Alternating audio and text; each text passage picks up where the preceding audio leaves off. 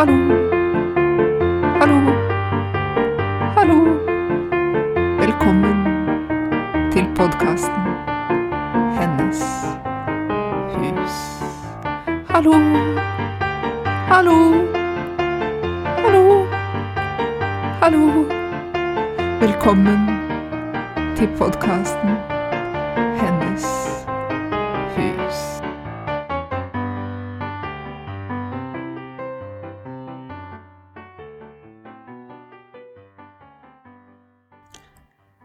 Hei og velkommen til en ny episode av Hennes hus.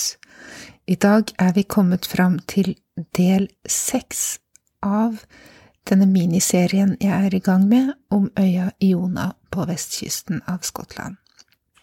Øya Iona regnes som et såkalt tynt sted. Tynne steder er et begrep henta fra keltisk spiritualitet som betegner um, en type steder der sløret mellom det dennesidige og det hinsidige anses uh, for å være tynnere enn ellers. Og det fins mange, mange slike steder, både ja, egentlig overalt.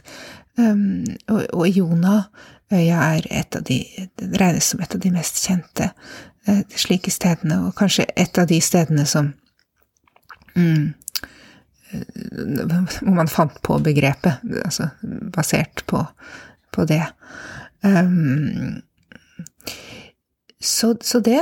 Og jeg utforsker da øyas historie og, og, og myter, legender og fortellinger eh, knytta til den. Og, og, jeg har gått litt sånn kronologisk fram. Begynt med tidlig middelalder og historien om Colomba, eller Columkill, som han het på irsk, som, som kom der på 500-tallet og grunnla et kloster. Og eh, har snakket en del om det, om den tidlige middelalderen, og i forrige episode så fortalte jeg om vikingtida. Og nå er jeg liksom kommet fram til høymiddelalderen, 1100-1200-tallet, og da skjer det noen store skifter Eh, på Jona. Eh, det skjer jo noen store skifter i, i, kirken, den katolske kirken generelt, ved at det blir Det foregår en omstrukturering, og man oppretter eh, erkebispedømmer og bispedømmer som på samme måte over ja, store deler av over Vest-Europa, da, hvor den katolske kirken var dominerende på den tiden. Og, og det blir en, en mye mer sånn uniform struktur Eh, på, på, på kirken. Eh, man får biskoper som blir knyttet til geografiske områder. I den keltiske tradisjonen så hadde biskopene mer vært knyttet til klostrene. Men nå ble Iona del av et bispedømme som omfattet hebridene og The Isle of Man, eh, altså øya Man, og, og den ble lagt i 1152 under Nidaros erkebispedømme. Det fortalte jeg om i forrige episode. Og eh, kort tid etterpå så opprettes det uh, nye bygninger, rett og slett på Jona, og det grunnlegges også nye uh, klosterordner der. Og det vil si at uh, benediktinerne, de overtar det klosterområdet der hvor det tidligere tidligkristne klostre Man antar at det også har ligget, og det er der det er et kloster ennå i dag, som er det restaurerte Eh, benediktinerklosteret.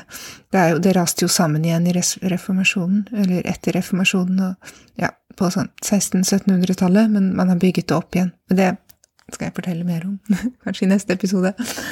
Um, men der bygde man et benediktinerkloster og, og en kirke rundt år 1200, antagelig kort tid etter år 1200. Og uh, ikke langt derifra så eh, bygde man et kloster for nonner, og det ble et augustinerkloster. Og både benediktinerne og augustinerne var jo ordener som hadde eksistert en stund. Det er av de tidlige eh, munke- og nonneordnene, liksom. Eh, det ble jo opprettet nye klosterordener også på denne tiden. Dominikanerne kom til, og, og sistersienserne eh, først, med han Bernhard av Clairvaux. Ja, så det, det skjedde mye. Eh, og fransiskanerne kom også til etter hvert, da. Men dette var da et benediktinerkloster og, og et augustinsk nonnekloster. Og ja, det, kirken og klosteret ble påbygd og endret liksom utover på 1200-1400-tallet. Og, eh, og, det eh, kan man kan man Ja, det ble som sagt Det, er, det raste sammen igjen seinere, og så er det blitt restaurert. Så der er det både kirke og, og klosterbygninger i dag. Men de nyeste delene ble jo bygd så seint som på 1950-tallet. Så ja, er, eh, det er, det er blanda, da, arki, arkitekturmessig. Og stemningsmessig også. Men det jeg vil snakke mest om i dag, er faktisk nonneklosteret, fordi det ble aldri restaurert. Eh, det raste også sammen etter reformasjonen. Eh, taket raste vel så seint som på, på 1800-tallet, tror jeg, der. Og men etter det så er det aldri blitt bygget opp igjen. Så der er det en helt spesiell stemning, fordi det ligger liksom nakent under himmelen, mellom jorda og himmelen, på en helt annen måte enn en det mm, benediktinerklosteret gjør, som, som, har fått nye strukturer og på en måte et lag av ny energi, en påkledning utenpå seg. Um, mens nonneklosteret, det ligger bare der, helt åpent, og det er ikke så mye som er igjen. Det står noen vegger og grunnmurer og, og sånn, og, og, veien er bygget liksom tvers igjennom der man antar at gjestefløyen var. Så det er liksom litt, et litt amputert kloster, da. Men det er veldig, veldig fint der, og veldig spesiell stemning. Og da jeg uh, var der i, i 2020, så uh, traff jeg et eldre ektepar, eller jeg bodde på et sted det, som ble drevet av et eldre ektepar. Og han mannen han var veldig um, åpen for energier og stemninger og sånn, og han sa at mange syntes at det var det mest spirituelle stedet på øya, det klosteret, og det kan jeg godt skjønne. Og han hadde rare opplevelser der, som han fortalte om, hvor han uh, type overhørte samtaler mellom nonner som, som kranglet om ting og ja. Eh, så det var morsomt å, å høre på ham fortelle. Eh, jeg opplevde ikke sånt, men jeg hadde den velkjente opplevelsen som jeg får på noen eh, såkalt tynne steder, da, hvor at jeg blir glad og føler meg litt sånn energisk og oppløfta og inspirert. Og eh, jeg tok masse bilder, og, de, og det skjer også ofte på slike steder. De blir veldig um, fine og fulle, fulle av um, morsomme uh, lysfenomener. Uh, ja. Så det var veldig kult, og, og, det er nesten også som uh, at jeg syns jeg kunne høre noen synge i kirkerommet der, da. Det, veldig, det var veldig vakkert. Um, så det er liksom litt om ja, stemningen i dag.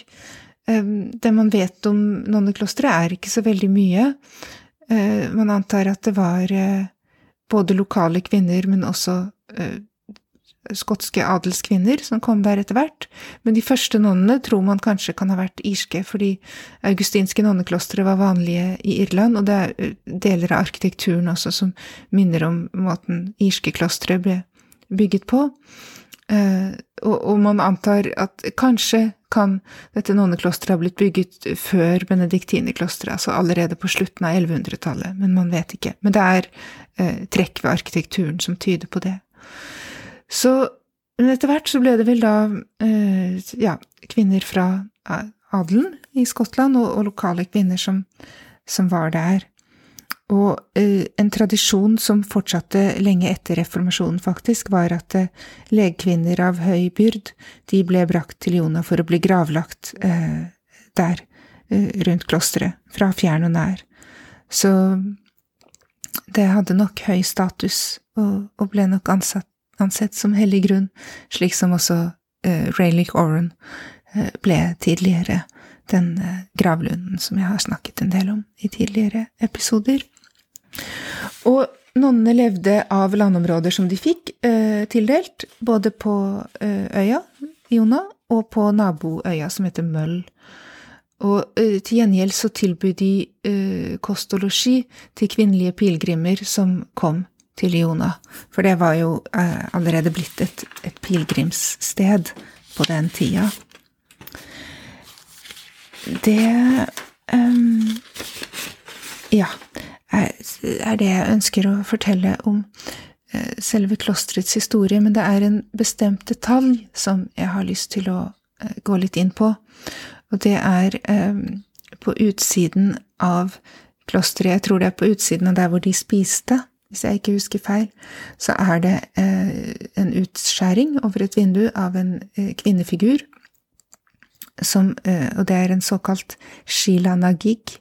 Det er et fenomen, disse kvinnefigurene, de finner man på mange klostre i Irland også, og andre steder i Skottland og England. Og de kan oppfattes som vulgære.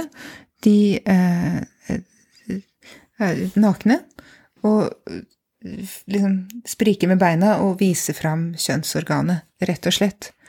Um, og man antar at det var en sånn misogynistisk grunn til det, at de ble ansett for å være så heslige og syndefulle og grusomme at de kunne skremme bort onde ånder. og det er jo aldeles tragisk, eh, spør du meg. Men eh, allikevel hvis man velger å se på det på en annen måte, så kan det nesten være litt kult.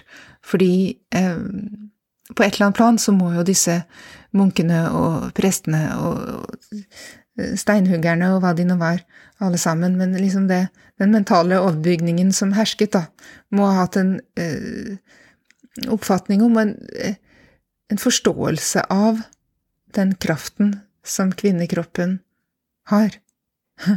Ellers ville de ikke vært så redd for, redde for den, og de ville eh, antagelig ikke tro at den kunne skremme bort onde ånder. Og hvis man ser på det, snur på det, og ser på den kraften som positiv, som den jo utvilsomt er, i, i mine øyne og i de flestes øyne kanskje i dag, um, så er det jo dritkult uh, at uh, en naken dame som spriker med kjønnsorganet, kan skremme bort onde, ånder. Så hvis det var opp til meg, så ville vi dekorere både kirker og klostre med masse nakne damer i forskjellige eh, utgaver. Sprikende og ikke-sprikende. Eh, laget av kvinner og for kvinner. for å skremme bort alle ekle patriarkalske holdninger. Det er min eh, take on that. Uh, ja, det, det, er min holdning til det. Men jeg ville nevne det, for hun, uh, hun er kjent, og hun er kul. Og hun uh, sitter der over et av vinduene. Det blir vel på sør Sør i Ja. Og jeg, og jeg tror det er der hvor de spiste. Så det um, Det var i grunnen det jeg hadde å si om eh, høymiddelalderen og de nye klostrene på Iona. I neste episode så skal jeg ta for meg reformasjonen og moderne tid. Både litt sånn tidlig moderne tid og, og nyere, nyere, tid. Og jeg kommer til å gå litt fort igjennom de århundrene der, fordi eh, ja, jeg syns de er mindre, mindre spennende. Det, det kan være helt feil, men det er nå en subjektiv oppfatning. Og så eh, planlegger jeg en liten bonus, en avslutningsepisode, som, som eh, ja, jeg kan fortelle mer om etter hvert. Altså en avslutningsepisode om Jona. Podkasten slutter på ingen måte, men denne serien avsluttes vel så smått etter et par episoder til, tenker jeg. Tusen hjertelig takk for at dere hører på. Jeg syns det er stor stas og setter veldig pris på det. Og jeg setter også veldig pris på alle kommentarer og spørsmål og innspill eh, som dere kommer med, så det er bare å, å, gjøre det hvis dere har noe å si. Og så ønsker jeg dere bare en god dag, eller natt, eller kveld, eller morgen. Ha det fint. Hei.